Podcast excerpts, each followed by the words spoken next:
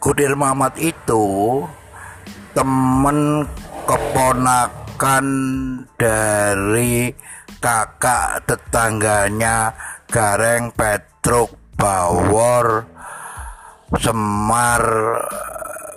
Jadi nggak terkenal bukan siapa-siapa. Yuk kita dengerin kudir Mamat sehari-harinya.